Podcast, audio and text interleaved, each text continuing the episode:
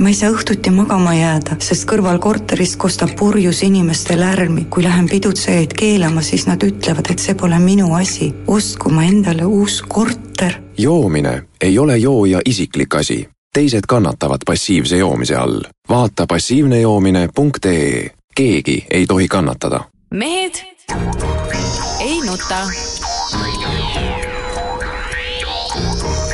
keegi kaotab ja keegi võidab, aga spordis mehed ei nuta. portaal Pahv. mehed ei nuta. tere teisipäeva, Mehed ei nuta taas eetris, Peep Pahv Postimehest. tervist! Tarmo Päev Delfist. tervist! Jaan Martinson Delfist, EPL-ist ja igalt poolt. et noh, mis poliitikast on meil midagi rääkida või noh, ütleme niimoodi, et, et nagu ma saan aru, ikkagi veel ei ole viitekümmet ühte ausat riigikogulast üles leitud ja, ja kõik need kuluhüvitised ja, ja autode liisimised on endiselt lahtised. no homme äkki, äkki üks tuleb välja. homme aru, vanematekogu arutab seda. vanematekogus on küll seal äh, ausad mehed, seal Jüri Adams ja mingid niisugused mehed vist, eks ole. et, et, et, et sealt võib nagu muidugi loota, kas sellest ka suurt abi on, seda on nagu, seda on nagu raske, raske aimata jaa, aga no muidu hakkavad ju, peavad hakkama inimesed ju iga nädal sõitma kuskil Narva tagalõpust bussiga või ma ei tea, linna tööle. see oleks küll päris õudne. aga üldiselt on poliitika suht niisugune nagu hapu, hapu periood, et midagi eriti noh, avaldame kaastunnet Hanno Pevkurile, kes meil siin taustal ekraanil Riigikogus olulise tähtsusega riiklikku küsimust arutab, ehk Eesti migratsioonipoliitikat, mis, mida küll tegelikult olemas ei ole, selles mõttes, et on lihtsalt nii, kuidas ette öeldakse aga noh, võrkpall jääb tal vähemalt koha peal nägemata. ei no kuulge, lõpetame selle migratsioonijutu üldse ära, ma, ma ütlen teile, tooge need viissada inimest kas või homme päev, tooge siia, homme võib-olla hea, ole hea, ootame detsembri ära, kui esimesed uisud tulevad. toome siia, paneme Viru väljakule, keskväljakule maa, ma garanteerin et kahekümne nelja tunni pärast mit-, pole mitte ühtegi neist enam Eestis. kõik on kadunud, tont teab kuhu. aga kogu sellest on ka paras show tehtud, vaata kui seal need esimesed eh, mingid migrandid nüüd eh, pandi lennuki peale, viidi vist Rootsi või, siis seal mingi filmiti ja surusid kätt ja ja siis paar eh, mingit musta meest ronisid lennuks ja, ja umbes lehvitasid seal Brežnevi kombel veel seal trapi pealt ja ja, ja, ja sõitsid minema, no see on mingi show ja tsirkus tegelikult, noh. no see on nagu häbiväärne. Ja, ja lisaks nüüd, enne kui me läheme sporditeemale, ma tahan tervitada selle, seda politsei musta Škodaga politseinik, kes seisab siin Järvemaa teel praegu, on risti ennast sinna parkinud, ei ole eraldus politseimärkidega auto, aga ta seal kimbutab liiklejaid, et et sa tore mees, et sa varjad veel parem oleks, kui sa võtaksid no siiski, üle tee on väike võpsik, et kui sa võtaksid sealt, lõikaksid mõned oksad, paneksid endale pähe ja nüüd roomaksid seal tee ääres ja võtaksid selle, selle, selle sau-, selle kiirusemõõtja kätte, äkki saaks sealt ka midagi mõne, mõne, võib-olla isegi jalgtee pealt mõne liiga kiiresti jalgsi käia, et noh. et see oleks nagu, see on nagu, see on nagu tase, noh. no ma just, Peep, ei saa su irooniast ses mõttes aru, et ei, hetkel, hetkel on ta ikkagi keset teed aga tal on vaata, tal on kumeauto, ta sulandub nagu selle asfaldiga ühte. alles üks hommik ma sõitsin näha. tööle ja siis tõepoolest äh, oligi päris võsast ikka käis see kiiruse mõõtmine. selles suhtes on ta ikka see Eesti politsei, liikluspolitsei ikka nagu tihtipeale ikka nagu häbematu, vaata kunagi oli minu arust kadunud Robert Lepikson tegi sellise seaduse, et politsei ei tohi nagu nagu, nagu varjatud kiirust mõõta nagu. aga ma ei tea, see seadus vist on ära muudetud, sest viimasel ajal ma olen näinud päris palju neid niimoodi äh, maskeerimisülikondades politseinikke nii-öelda äh, tee ääres seal nagistamast. no jaa, aga Peep, et sind tulebki maskeeritult vaadata. ka, sind ei saa ju teistmoodi kätte. täpselt. mind pole ammu kätte saadud no ühesõnaga, üleskutse siit siis sinna üle tee Škoda meestele, et tunni aja pärast meil saade lõpeb umbes. jah, teile vilet laseb autokumm, ütleme nii saate oma Škodat panna joone peale. nii, aga räägime spordist, räägime võrkpallist ja pole midagi öelda, et Eesti võrkpall on taas Euroopa kaheteistkümne parema hulgas, et et äh, alagrupist ilusasti roniti läbi ja täna on nüüd Serbiaga, Serbiaga mäng ja, ja oota, enne kui me selle asjaga edasi läheme, tegelikult me ei hakka siin ootama kirjade rubriigini ja Jaan, võtame sinu selle personaalküsimuse no nimelt, jah no. eelmises saates sa siin ajasid mingit täielikku käojaani. esiteks mina ei ajanud ei, sina ütlesid selle välja. ei öelnud, mina, mina ütlesin selle välja, jaa. ahaa, nii, siis mul oli valesti meeles. Et kuidas siis jah, et, et ma ei tea, teeme selle, sinna isegi, äh, eks ole, siin mängijad kirjutas meil, Martti Juhkami kirjutas meile siin, kuidas asjad tegelikult lähevad, siin mõned äh, kuulajad ka, et et, et varame siis selle tuhaämbri endale nagu pähe ära, enne kui me üldse edasi lähme, et et olid meil nagu no et kuulajad aru ka saaks, millest jutt on, siis äh, sai öeldud valesti need satsid, kellega Eesti võib vastu minna siis kaheksandikfinaalis. jah, et, et mina ma võin selle tuhaämbri võtta küll, aga vanemad kolleegid muidugi võiks äh, abiks olla rohkem kuule tegelikult valame rõõmuga. Te, tegelikult ma sain juba eh, noor reporter Märt, Märt Roosnalt eh, sarjata ja noh, ma põhimõtteliselt tead, teadsin, kes tegelikult peaksid vastu tulema, aga aga Tarmo on meil alati niisugune viks ja viisakas, ta on koolis sai alati viisi ka ja ja, ja ma tegelikult hakkasin kahtlema, et mõtlesin, pagan, et äkki ma olen millegagi ämbrisse pannud. jaa, kusjuures, kusjuures see ei ole nüüd, see on nüüd jabur, et me sellest nii pikalt räägime, aga vaatasin veel nagu järele, aga kuidagimoodi lugesin neid alagrupi tähti seal valesti. nii, Nii, aga nüüd jah, lähme jah mängude peale, põhimõtteliselt täna, täna siis kaheksateist kolmkümmend Serbiaga ja, ja, ja mina praegu küll ei ei ütleks, et Eestil puudub igasugune võimalus, et ma pakuksin välja, et Eesti võimalused on umbes kolmkümmend protsenti siit edasi tulla, sest olgem ausad, et, et tegelikult noh, mängitud ju väga kehvalt Itaaliaga, isegi Prantsusmaaga suudeti teatud äh, ajal koos, koos ponnistada ja, ja, ja tegelikult ma mõtlen, et, et kui nüüd Itaalia vastu oleks Eesti olnud natukenegi enesekindlam, natuke rohkem endasse uskunud, võtame teine game, kui nad üheksateist, üheksateist viigi seisu pealt äh, tegid äh, sealt edasi kolm serviviga ja kõik nii, oleks tegelikult, ma, ei ütle, et Itaaliat oleks võinud võita, aga oleks äh, kaks game'i võinud kätte saada ja Prantsusmaalt ühe game'i. nii ta tegelikult on ja täna Serbiaga, no ma arvan, et, et üks game Jaanik, tuleb meile. tule, tule nüüd pilvepiirilt alla tagasi, et kõik on tore, võrkpallurid on meil tublid ja võitsid ära selle ainsa tähtsa mängu, mis neil oli vaja võita. Et see siin nagu müts maha, eks ole, aga ärme nüüd nagu utoopiasse ka lange. no ei olnud seal Itaalia vastu ikkagi mingit šanssi tegelikult, ma vaatasin ka seda mängu, ei olnud mingit šanssi. Kuule, üks ge- üks game võeti ära. no Itaalia vastu. Itaalia vastu Või- ei ei võetud võetud või keegi Prantsusmaa ära. vastu, jah. Prantsusmaa vastu jah, üks game võeti ära, aga aga tervikuna ikkagi no ei ole selliste võistkonda, no meil ei ole lihtsalt, jääme ikka reaalsuspiiridesse, meil ei ole sellist jõudu, sellist äh, taset, et nendele vastu hakata ja see Serbia on ka liiga kõva pähkel. No kui saavad ühe game'i kätte, on juba super luks, ma On, absoluutselt, aga midagi aga- sa räägid, et kolmkümmend protsenti Eesti võidu see on kindlasti, see on väga utoopiline number, Jaan, ikkagi see kolmkümmend protsenti, et Serbia kindlasti, oota, Serbia kindlasti kuulub ikkagi nagu nende jõukude hulka, kes on kusagil seal äh, top viis, top kuus, kes on teistest ikkagi mingisuguse platoo võrra paremad, et see protsent kindlasti, kindlasti jääb alla kümne ja isegi aga- alla viie. ka see on nemad- olemas, aga see jääb alla viie. jaa, aga ka nemad on haavatavad. ja tegelikult, mis mulle ei meeldinud natuke, see äh, võrkpalliülekandes seal, seal ka räägiti, et et jaa, et me ei ole sellel tasemel mänginud siia-sinna, parem-vasak, eks nii, kuulge, meil on ju võrkpallurid, kes on mänginud meistrite liigat ja mängivad meistrite liigat, kes mängivad Prantsusmaal nende samade vendade vastu nädalast nädalasse, päevadest päevadesse. Nad on sellel kõrgel, ma saan aru, et korvpall ei ole sel tasemel mänginud, jalgpall ei ole sel tasemel, tõesti, meil on ainult jalgpallis Klaavan, kes sel tasemel mängib. võrkpallurid on sel tasemel mänginud. ja no., ja, ja see, ja, ja, ja ma, ma ei üllatuks mind niivõrd ei häiri võib-olla, mis, mida kommentaatorid räägivad, mind pigem rõõmustab see, kuidas ma nägin nagu meie mängijate hoiakut enne seda mängu, et intervjuus näiteks Rait Rikberg, kus ta, kus ta nagu noh, ilma ootusi üles kruttimata sõnastas minu arust selle nagu võimaluse tõenäosuse ühest küljest ära, et noh, see on suhteliselt väike, aga teisest küljest nagu selle nagu meeleseisundi, et, et see on ikkagi mingisugune šanss noh, teha tõesti üks suur tulemus, mida mitte kunagi ei ole, või mitte kunagi ei saa öelda, korvpallurid kunagi üheksakümne kolmandal tegid ja, ja varasemast ajast ka veel on neid ette näidata, aga mida ikkagi väga ammu pole ükski pallimänguvõistkond suutnud teha. Et noh, ma arvan ka, et Serbia on võib-olla haavatavam, tulemused on näidanud seda, kui kui ma ei tea, Venemaa või, või seesama Prantsusmaa, kellega me mängisime, et see see, et me saime Prantsusmaalt selle ühe game'i kätte seal pärast seda, kui esimene game oli väga õnnetu olnud, noh, see on ka selle esimese game'i järelm võib-olla lihtsalt, teine asi on see game võtta ikkagi kaheksandik või veerandfinaalis. aga noh, me oleme nüüd keskendunud kõik tänaõhtusele mängule ja vähe rääkinud ikkagi sellest, kui, kui tublid mängijad on nagu seni olnud selles mängus ja just selles otsustavas mängus Horvaatia vastu.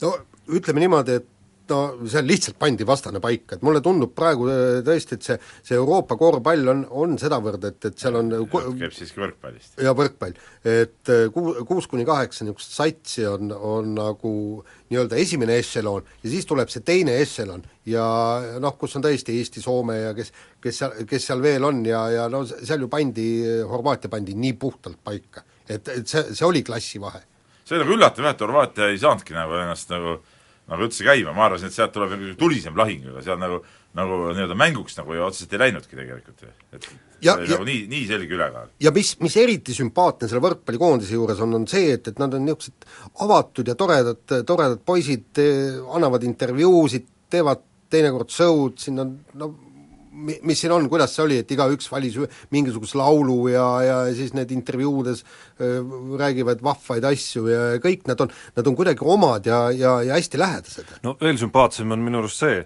et sinna on tekkinud või kokku saanud nüüd vähemalt sel aastal selline sats, kus on tõesti nagu nii vanuselises mõttes on nagu väga hea miks koos, kui ka positsioonide mõttes, et noh, see on igal alal eh, see reegel, et, et sul on ikkagi vaja nagu enam-vähem igale positsioonile korralikke tegijaid, et seal selles koondises antud juhul on nüüd need asjad nagu ikka väga hästi kokku loksunud, eesotsas sellega, et et eh, see, kuidas Oliver Venno vist tõesti on tegemas mingisugust uut tõusu nüüd pärast selliseid mõõna-aastaid, väga tahaks loota, et see ongi nüüd selline nagu otsustav nii-öelda tagasihüpe siis selles nagu õige venna nagu tulek. jah, jah, et, et, et noh, midagi ei ole teha, selleks, et, et et mängida suurt mängu, peab meil olema samasuguse klassiga vend, nagu Itaalial oli see Zaitsev, nagu Prantsusmaal oli see keerulise nimega vend seal mustanahaline või, või ma ei tea, nagu hollandlastel oli see Van Dijk ja nii edasi, nii edasi, igas satsis on ikkagi olemas selline absoluutne tippründaja. et noh, ma tahaks väga loota, et Venno hüppab selle ree peale nagu tagasi ja, ja keegi siit kõrvalt toetab ka veel Robert Täht. no neid toetada on päris kõvasti, kusjuures täiesti müstiline on see, kuidas ühest aastakäigust, kui ma olen üritanud siin Kossu puhul ootusi maha tõmmata, et ärge sealt U kuueteistkümnest nüüd midagi nagu hullu oodake, võrgus on ikkagi ühe aastanumbri seest tulnud äh, Robert Täht, siis on tulnud Aganits ja üks nimi mul ei tule praegu keele peale, nojah, aga võrkpallis see ongi muuseas Teppan, iseloomulik. Jaa, aga võrkpallis see ongi iseloomulik, mäletate, see kaheksakümmend üks äh, sünniaasta, eks ole, mis oli, kus olid need Nõmsalu, Pajusalu, äh, Vesik, see oli ka kõik üks, üks, üks punt ju tegelikult. ja, ja need pundid on jõudnud ka ju omaanust tiitlivõistlusel väga kõrgesse mängu. MM-ile MM-ile mõlemad, noh. nii, aga nüüd vahepeal kuulame reklaami. mehed ei nuta. Keegi kaotab ja keegi võidab, aga spordis mehed ei nuta. portaal Pahv mehed ei nuta. jätkame saadet kiire vahemänguga ja Eesti jalgpallikoondise tegemiste juurde ja valiksarja kokkuvõtte juurde tuleme öö, saate viimases teemas, aga kiires vahemängus öö, räägime Tarmo Rüütlist, kellelt Delfi siis küsis, et, et kuidas jalgpallurite ja, ja valiksarjaga ja öö, treeneri, uue treeneri Magnus Pearsoniga öö, rahul on ja siis ta ütles, et, et kindlasti on Pearsonist jalgpallikoondisele kasu, mängijad saavad rohkem keelepraktikat no aga see on ju ka absoluutselt tabavalt öeldud, et ega ega ei saa ju ütelda, et nüüd äh, mehed oleks teinud mingit kvalitatiivset tõusu, ütleme, või see mäng tervikuna, et, et äh, saavadki jah, inglise keeles suhelda, et see, see ongi see põhi. Peebu- selles suhtes ma nagu Tarmo äh, Rüütlit, keda ma pean nagu väga heaks äh, jalgpallitreeneriks, spetsialistiks, tema, tema silm, silma ma usaldan. tema Äh. kõrva. et kui kuuleb ka, et meeste nagu keeleoskus on nagu paranenud, eks ole, et siis, siis on selge, et mees kahjuks me ei ole jah, nendes mängujärgsetes intervjuudes ei ole seda nagu testitud ikkagi. et see kõik on käinud eesti keeles ikkagi. jah, võib-olla Aet Süvari, kes, kes väga hästi inglise keelt räägib, ETV kuulus intervjueerija, võiks, võiks võtta siis mängijad ette no ma saan aru, siin on sügisel tulemas veel ports igasugu sõprusmänge, et seal Jah. saab seda kõike proovida. jah, aga Peebukene, sa oled asjast täiesti valesti aru saanud, kui sa eh, vaatasid eh, Pohlaku intervjuud pühapäeval eh, ETV kanalil, siis, siis eh, sa nägid, et sujuv areng on toimunud no selleni me, Jaan, jõuame veel saate, Ja saate me viimases jõuame, osas, vahepeal läheme kiire vahemänguga edasi ja ütleme nii, et väga müstilised lood toimuvad, ehk siis äh, Eesti tuntud levimuusik Ott Lepland äh, mingid remonditööd toimusid tal ja kassil õnnestus kuidagi siis välja putkata ja, ja kaotsi minna ja tundub, et midagi sarnast on juhtunud ka Rapla korvpallimeeskonnas, kus äh, kas mingi uks on lahti jäänud, midagi on paakil olnud, aken natukene ja lipsti Janari Jõesaar on kadunud. see tundub, et Janar Jõesaar ongi, ongi selline mees, kes nagu kipub, kipub lipsti kaduma, eks ole, tead, vanasti, vanasti öeldi selliste kohta, et noh, et ta ei pea oma töökohta nagu vaata, et noh, jah, noh, niisugused noh, joodikud ja niisugused inimesed, eks ole, noh, see ei olnud nagu eriti austusväärne nagu kodanik nagu Nõukogude Liidus. Peep, sa oled aga... rääkinud, sul oli, sul oli ka paar suve tagasi huvitav case ühe suvereporteriga. Ühel mees oli kadunud lihtsalt. jah, ja, ja samamoodi, ei mitte me-, mees ei olnud kadunud, vaid mees lihtsalt läks ära, võttis kaasa ka prügikasti ja lahkus, eks ole Eh, toimetusest lihtsalt, tead noh. et, et, et iga, niisuguseid lugusid on tulnud küll. aga, aga mis puudutab nüüd jah, Jõesaart, siis jah, Ma loodan, et Raplas prügikastid on alles ikka. sümptomaatiline, peaks Jaak Karbi käest küsima, kas on alles kõik. see on nagu sümptomaatiline juba see tema, tema, tema kadumine ja, ja ja noh, tundub, et siin nagu nüüd eh, tegelikult tõsiselt rääkides, mees peaks natuke järgi ikka mõtlema, et, et kas kas ta tahab seda mängu ikka mängida ja, ja ja kas tema suhtumine asjadesse on ikka päris õige, et siin signaale on tulnud eh, igasuguseid nagu tema tema tegevuste kohta. kuul-, kuulge, aga kas, kas lõpuks nüüd need korvpallireporterid äh, on suutnud tuvastada, kuhu siis see Jõesaar läks, ta pi-, pidi minema kuhugi välisklubisse? no ma ei ole kindel, kas see on üldse nüüd nagu korvpallireporterite pärusmaa enam, et siin võib Siin olla nagu siin võib olla. Risto Berensonid ja, ja, ja kuskilt sealt otsast ei, ei, aga ei, aga tegelikult vennad, eks ma, ma tean, et Delfi proovis taga ajada, helistas äh, Jõesaarele, telefon ei vastanud, eks, nad proovisid siit-sealt kolmandast kohast teada saada, et kuhu siis mees läheb. Täiesti nagu must auk, siiamaani pole keegi kirjutanud lehes, mis Janari Jõesaarest nüüd edasi Jaan, ma saab. sulle ausalt ütlen, ma pole saab. huvi ka väga tundnud. aga mi- aga mis siis on siis nüüd, noh mingisugune, mingisugune kutt, kahekümne kahe aastane juba, eks ole, jah, üheksakümmend kolm sünniaasta, kahekümne kahe aastane, eks ole, mängumehena äh, ei ole veel midagi näidanud, ennast tõestanud. no ütleme, Eesti koondise kandidaat siiski, Peep, et no ikkagi päris kauge kandidaat ütleme, huvi võiks tunda siis. päris kauge kandidaat, nii. Ei näe nagu põhjust väga nagu sämeleda äh, vennaga, kes nagu noh, ise ei anna endale aru, mis, millega ta tegeleb. nii, aga millega tegelevad siis meie sulgpallurid, Raul Must, kes on siis äh, viimasel ajal nagu pildile tõusnud, tema treener Mart Silliksaar on öelnud sellise lause, et Raul Mustas on nii palju sisu, et ületab kõiki võrkpalli ja jalgpalli koondislased. noh, ütleme ma, ma, ma olen täitsa kindel, et, et Raul Mustas on tõesti sisu palju, aga äh, ma tahaks, et see Mart Siliksaar läheks praegu võrgumeeste juurde ja, ja, ja nende ees ütleks, ütleks neile seda otse välja. Ardo Kreegile näiteks nina alla siin. jah. või Robert Tähele või, või Kreek ülejäänud alla, toimuks väike surumine. ei, ei olnudki pall, oli pealagi hoopis. et Raul Mustas, selles mõttes ma olen Jaan nõus, ikka alatasa jälgides noh, enamasti õhtuste spordiuudiste kaudu, kuidas Raul Must on jälle mingil täiesti korraliku tasemega turniiril täiesti korraliku tulemuse teinud ja olümpiakoht on juba vist enam-vähem kindel ja nii edasi. et on, on tegelikult üsna nagu fenomenaalne tegelane Eesti spordis ikkagi, et mismoodi vennal jätkub seda tahtmist punnida ja punnida ja ja noh, vaikselt ikkagi ka nagu astuda edasi vähemalt Euroopa tipu poole, maailma oma natukene võib-olla jääb kaugeks.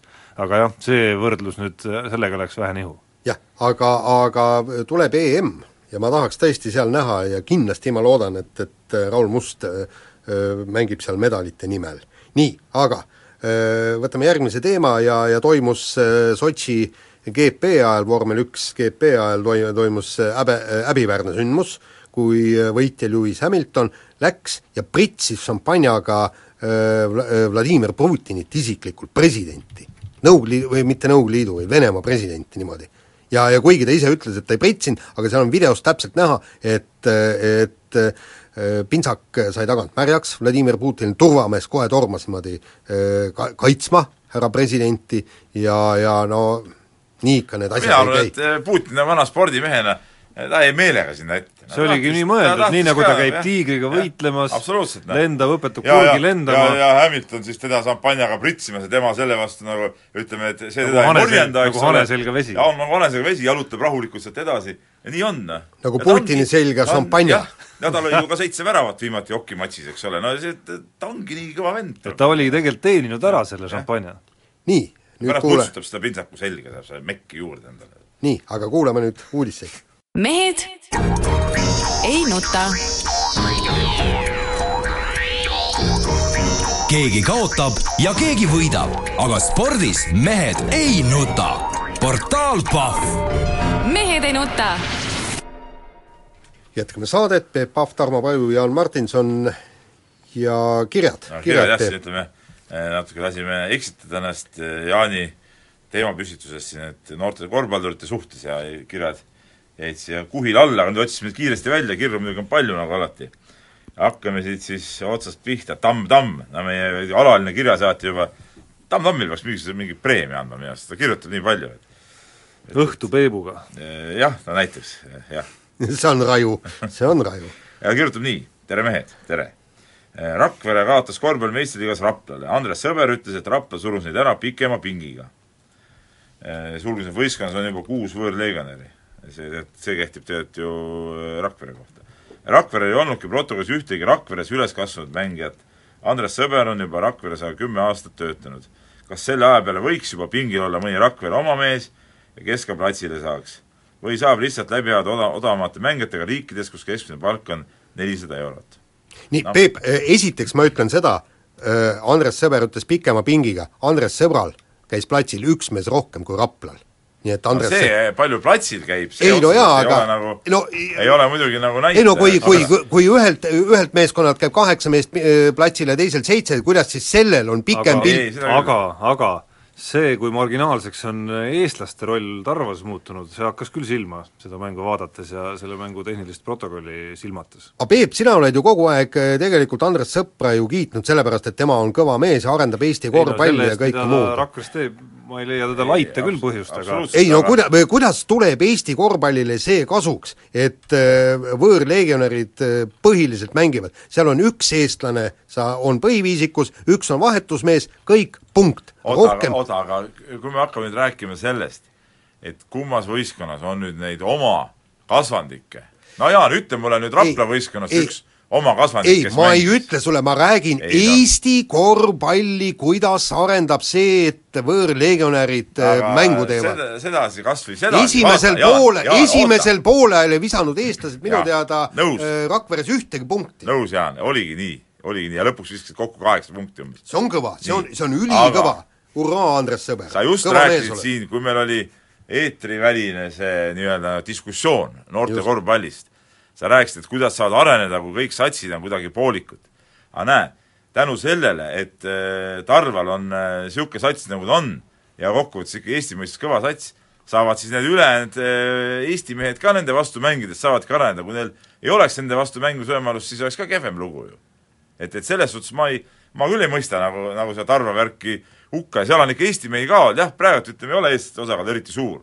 Ja, ja võib-olla välismaalasi on rohkem, kui, kui võiks olla. aga teisalt jälle, jumala hea, et niisugune võistkond on olemas, noh, saavad siis need nii-öelda Rapla mehed, saavad siis ka nagu eh, mängida kellegi vastu ja kui ma nüüd tõesti võtsin praegu selle, selle koosseisu ette, siis eh, platsil ühtegi Rapla eh, enda venda ju, ju ei, ei käinud sellisel kujul. nii, aga no selles mõttes, Peep, ma arvan, sa pead nõustuma, et, et seda noh, on nad nüüd Virumaalt pärit või Virumaa piirkonnast või Rakverest või, või kuskilt mujalt Eestist, et no seal natukene see osakaal on nagu paigast läinud praegu. jaa, jaa, jaa, nõus sellega, et sealt võiks nagu rohkem neid, neid tulla, aga, aga, aga noh, ei ikka ostame ikka, ma arvan, et tuleb ikka osta rohkem võõrlegionäre, et see on Eesti korvpallile kasulik. sest praegu põhimõtteliselt, kui ma võtsin ka kiiresti nüüd selle, selle koosseisu ette, siis äh, Sander äh, Rammul on, on põhimõtteliselt ainus, kes on, on Tarva enda, enda kasvandik. kuule, võta järgmine kiri.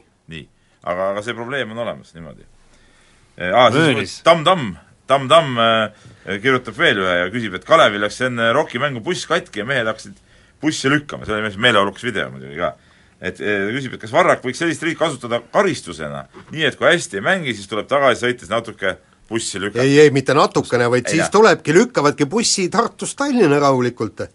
Ei no füüsiline karistus on äh, alati selline okei okay,, ütleme, et kui ei saa mängitud, siis kas äh, teed kükke või jooksed või, või lükkad, et see nagu väike, väike ergutuspreemia on alati, alati teretulnud. no kuule, siin on äh, ülikooli treenereid, kes pärast kaotatud mängu alustavad kohe treeningut samal, samal õhtul samas saalis, kui publik on lahkunud ja ja, ja muuseas eile jalgpall lõppes ära, no ma jäin natuke seal veel kohmerdasin tribüüni peal ja ja siis Šveitsi koondise varumehed, kes platsile ei saanud, tegid äh, füüsilise treeneriga koos, hakkasid seal äh, üle väljaku, pandi tormikud maha ja hakkasid seal jooksust tegema nende vahel, treeneril oli stopper käes ja et, et noh, ei saanud ju koormust kätte, eks ole, tuleb, tuleb teha, see on õige värk. Aga ma ei Eesti- näinud, et Eesti koondise vennad oleksid seal, need, kes platsile käinud, oleksid hakanud jooksma seal pärast seda. aga sealt tulebki see taseme vahe. no ei ole seda ka muudel aladel näinud sellises vormis. seda annaks teha küll ju. aga seesama näiteks Joosep Toome ükskord peale eh, Eurosarja mängu, kui ta sai tõesti vist, mängis mingi viis minutit peale vigastust, kirjutasime lugu seal ja siis tuli, hakkas panema oma viskeid ja asju. nii, Artur Ojala kirjutab meile ja küsib väga huvitava küsimuse. Vaatame, kuidas siin need arvamused jagunevad. video challenge võrkpalli EM-il, kas kiidame heaks? ei, loomulikult loomulikult. täielik totrus ei ole. kuule, mis sa jamad, kuule see mäng seisab ju seal mingi pool tundi, vaadatakse mingit videot No ja siis? lõpetame ära niisuguse jama. lõpetame ära sellise jama, see ei sobi see ei ole nagu õige, noh. on, see, see, see sellepärast, et tapab me... selle mängu, Jaan. ei tapnud ta mitte midagi, väga, väga hea väga mäng oli. kaua võttis aega kõik see Kuule, vaatamine see tapab mängu, nii nagu korvpallis, nagu nad käivad seda videot seal vaatamas, täpselt sama jama, nii nagu okis vaadatakse igat olukorda, kuule, jätame järgi need jamad. vastupidi, mina ütlen, et seal on nagu väike vaatemänguline element, kui veel nagu vaatemängust Just. rääkida, on isegi juures. Absoluutselt. sellest, rääkimata sellest, et on nõus. võimalik nagu õiglasemad otsused langetada. jah, ja kusjuures väga, väga tegelikult peaks ja olema üldse on, nagu nii-öelda number üks argument. nii, kaks-üks äh, meie võit. aga, aga kuna eh, minu arvamus on nagu absoluutne tõde, siis siiski jäi see peale. no õnneks, õnneks või kahjuks sa selles tões elad kuskil üksinda. ei, ei, miks üks üksinda, see kõik nõustuvad sellega. nii, Andres kirjutab meile veel lihtsalt väike ma juhin lihtsalt tähelepanu vahepeal, et must Škoda on lahkunud Järvepana teelt. aga nüüd ta ootab siin maja ees ta on Veereni tänava ta pool on seal. äh, varjunud kuskile paremasse kohta, ta kuulis, et ta on paljastatud ja ta lahkus, eks ole. nii, viimase asjana Andrese väike kiri, see puudutab jalgpalli, me ei hakka seda lahkama, aga lihtsalt, et eh, eh, ta kirjutab nii, no kui lüüakse valiktsüklis kümnest mängust vaid neli väravat, siis mis edasipääsust me räägime? ja siin ta no, vihjab siin Aivar Pohlaku jutule siis nagu sellest, kuidas eh, Eesti jalgpall on kõva. sellest me räägime pärast, aga ütleme nii, et Andres, nõustume. jagab asja. ja jagab asja, nõustume, õiget juttu räägib. nii umbes nagu mina, täpselt nagu mina pean. Nii, aga, aga nüüd räägime korvpallist, Kalev Cra-, Kalev Cramol ja Tartu Ülikoolil on esimene duell peetud, Kalev Cramo selle võitis, küll aga öö, on Kalev Cramo kaotanud ühisliigas kaks mängu, et mis mulje on nüüd eelkõige just Kalev Cramodel on rohkem mänge peetud, et mis mulje on nüüd jätnud, kas, kas me ootame ka nüüd ühisliigast öö, play-off pääsu või, või on juba lootused maha maetud? no ma vaatasin seda pühapäevast mängu Avtodori vastu ja tegelikult see oli, see oli suhteliselt okei mäng minu arust. et, et kui, see andis nagu vähemalt lootust küll, et Kalev võib selliste vastastega mängida täitsa, täitsa võrdselt, et kui nüüd jah, tõesti sellest eh, ühest, ühest veast, mis on kahes mängus kätte makstud, ehk pallikaotustest lahti saada või seda, seda arvu vähendada märgatavalt, et, et siis, siis oleks, oleks kõik okei okay., et tegelikult kaitses mängiti väga hästi ja, ja ja, ja saadi oma asjadega hakkama küll ja, ja seal on ütleme, mingid teatud mehed on hakanud juba,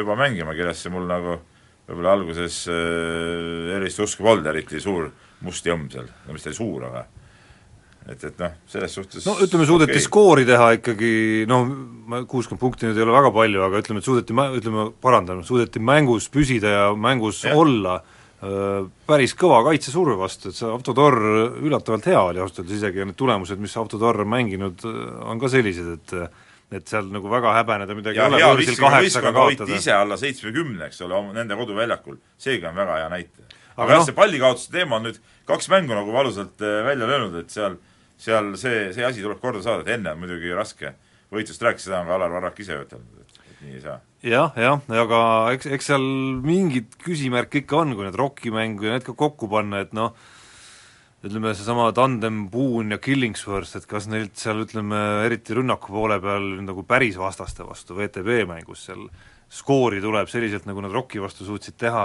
kas nad suudavad nagu sellist raskust kanda, ma natukene veel alla ei kirjutaks päris sellele.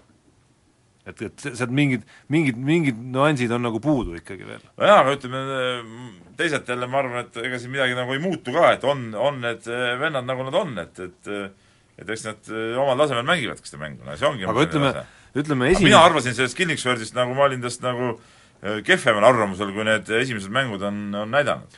aga noh, Rockist on meil vähem rääkida, on see üks mäng Kaleviga sisuliselt äh, ainult ikkagi, mida me kõik oleme näinud ka. et äh, noh, ühe mängu põhjal jälle ei maksa mingit hakata nüüd ei liialt muretsema ega rõõmustama, aga aga minu arust seal isegi natuke neid mõttekohti praegu rohkem. et äh, Kullamäe otsus jätta Petrukoonis meeskonda näiteks, kas paljuski selle pealt, et ta play-off'is mängis väga hästi, no no samas Kas- Petrukoonis väidetavalt kontrollmängudes on eh, väga hästi ennast näidanud, et eh, ma tunnistan ausalt, ma ei näinud väga põhjalikult seda Kalevi ja Rocki mängu, et noh- et, et, et miks ta seal nii vähe mängida sai, seda et noh, et näis, näis, et see, see pikk Harper, kes toodi nagu ütleme siis nagu põhipikaks vähemalt eh, esialgu no tundus see jättis, nii palju kui ma nägin, jättis väga kehva üsna niisuguse nagu õblukese mulje.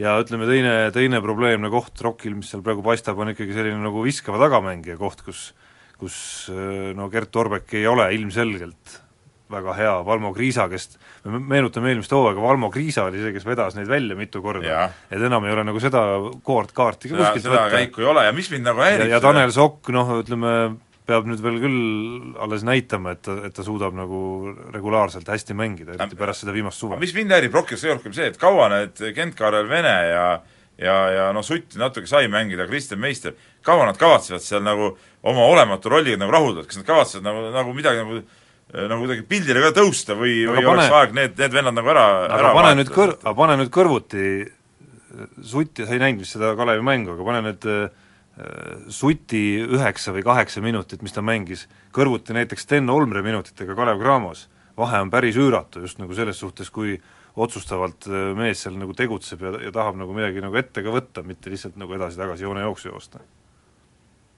et kui ma kasuks nüüd sinu arust? no Olmre kasuks. no loomulikult, jah, seda ma räägingi. Et kaua need eh, Tartu noored nii-öelda seal kavatsevad nagu oma olematu rolli nagu, nagu kanda? nii, aga jätame selle retooriliseks küsimuseks õhku Jah. ja natukene siia saatuse lõppu veel tervitame meie head sõpra Kristjan Kangurit, kes kaheks kuuks siirdus Hispaaniasse Victoria Laboral Kutšasse, esimene Eesti korvpallur Hispaania meistriliigas. mis tunne tal on huvitav? aga mis tunne sul endal on? hea tunne, üks mees jälle Euroliigas juures. nii, aga nüüd kuulame reklaami taas. Mehed ei nuta. keegi kaotab ja keegi võidab, aga spordis mehed ei nuta. portaal Pahv mehed ei nuta.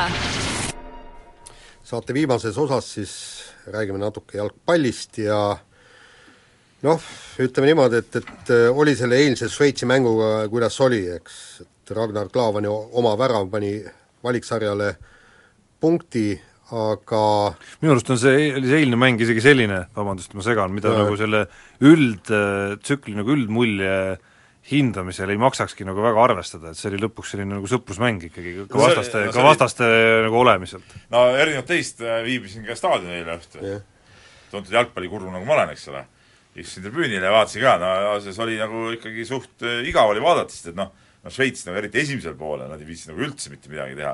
teisel poolel nad ikkagi hakkasid nagu korra mingi hetk hakkasid päris No seal vahe- vahetati ka natukene. jaa, vahetati jaa, ja hakkasid suruma ja ja, ja seal tekkis neid olukordi, aga aga tervikuna selles mängus nagu mingit, mingit erilist pinget nagu ei olnud ja selles suhtes jah, see ja, ja, ja ei ole ka see Klaavani oma värav seal lõpus suhteliselt õnnetust olukorrast, ei ole ka nagu võib-olla ilmesta seda, seda valiksarja, et selles suhtes niimoodi ei saa nagu aga, nagu aga ütelda. küll aga äh, ilmestab valiksarja just see, et, et me ei suutnud taaskord väravaid Jah. lüüa, kuigi, kuigi oli kuigi oli vä- väga hea või-, võimalus olemas, aga, aga, aga mis ma kogu selle äh, asja kokkuvõtteks tahan öelda, et, et see see oli suurepärane intervjuu Aivar Pohlakult ETV-le pühapäeva õhtul, et, et äh, see on äh, täiesti, võib teda panna Mati Alaveri ja äh, Edgar Savisaare demagoogitsemise kõrvale. Kõrgklass. kõrgklass ikkagi, abs-, absoluutselt, kui me kolm korda rõhutame, et, et, et siin Eesti, et kodumängudes löödi meile ainult üks värav,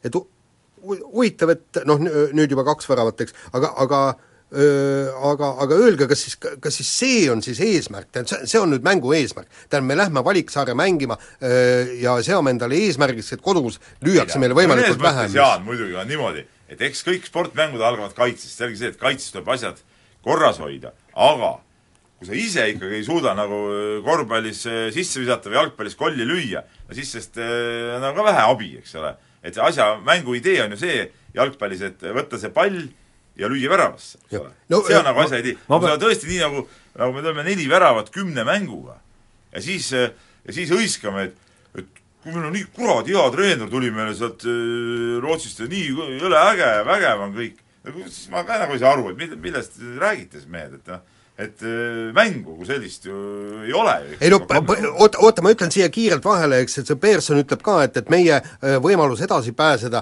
läks kaduma kahes mängus, eks, et, et äh, me ei suutnud selle San Marinoga viigist enamat võõrsil ja, ja kaotasime, kaotasime Leedule äh, ja sealt on, kallid inimesed, sealt saab viis punkti.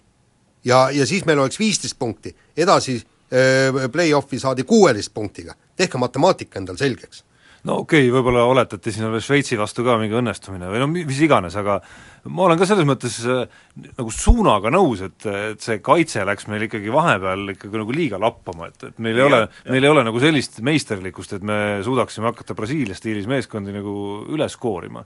aga, aga seal peab olema mingisugune nagu süsteem ja oskus ikkagi nagu vastu ka neid väravaid lüüa, et neid mänge nagu ära võita. aga ei saadud sellega ju hakkama isegi San Marino vastu, et noh, järelikult miski on sealt ikkagi nagu puudu, süsteemselt või nagu mängutaktikaliselt ja, ja võimalik, et ka ikkagi nagu siis nagu mängija individuaalsetest oskustest tulenevalt, et et noh, ja kui vaadata nüüd, et Poolak ütles seal intervjuus ka seda, intervjuus, kus see ka ju ütleme, intervjuu tegelikult väga keeruline ei olnud, et ega väga kriitiliselt ei küsitud ka ühtegi küsimust. no muidugi. et noh, ta rääkis nagu uutest ründajatest, kes on nagu kohe tulemas ja selle väravapõua nagu ära lahendavad et, et kui nüüd rääkida, tuua seesama klassikaline Jaani lemmikteema sellest, kuidas kahekümneselt ikkagi peaksid olema mehed juba platsis, siis no ega me nüüd väga ei näe neid mehi praegu siin ukse taga trampimas. kusjuures kõige kõvemad mängijad, ehk siis Klaavan näiteks, ta tuli ju kaheksateistkümneselt, sai kenasti koondisse ja kõik, et et eh, Paul Hake ütles ka, et meil käib põlvkondade vahetus, küsiti, et noh, et eh, vabandage väga, enamus äh, põhitegijatest on kolmkümmend pluss, ei no jaa, aga me teeme põlvkonnavahetust nii, et tulemus ei kannataks, no kas see, tulema see ei ole nüüd, et see ei ole nüüd Pearsoni süü otseselt, aga noh, näiteks meie niisugused ründelootused, Ojamaad ja Kingid ja noh, nemad on ju kõik ikkagi nagu no Kingist rääkida kui ründelootusest muidugi on ka no või no mingil hetkel oli ta ikkagi aga olgem ausad, Eesti koondise mäng ikkagi sõltub praegu hirmsasti ikkagi Kostja Vassiljevist, eks ole. ja, ja nii on. ja kui ta mängib hästi, nii nagu ta eile töötas kõvasti, kõik oli okei okay,, siis nagu, nagu meeskond veel võib mängida. aga mis siis saab, kui tema nagu koondisest ära kaob? et, et eh, kuidas siis seda üldse üles ehitatakse, ma arvan, et siis kukub üldse põlvili kogu see süsteem. ja, ja, ja tema rolli praegu, mina küll ei näe, et keegi suudaks sealt eh, koondises üle võtta näiteks. ja, ja, ei olegi seda tüüpi mängijat teist nagu otseselt. ja üks võib-olla niisugune ka retooriline küsimus siia lõppu on veel see, et et noh, ma ei tea, kas koondis on päris see koht, kus on tõesti, kus peab käima nagu selline väga nagu pikaajaline areng selles mõttes, et, et alustuseks on üldse kahte aastat vaja, et nagu mingisugune muutus ellu nagu juurutada ja siis hakkad tulemusi noppima, et iga tsükkel lõpuks ja iga mäng on lõpuks vaja fännidele midagi pakkuda, et Georgi Gretšul ei olnud vaja kahte aastat, et võrkpallikoondisega edu saavutada. võrkpalluri tase üldine oli ka kõrgem aga te, muidugi sul on õigus, noh, et koondis on ikkagi, see on nagu niisugune hetkevärk rohkem.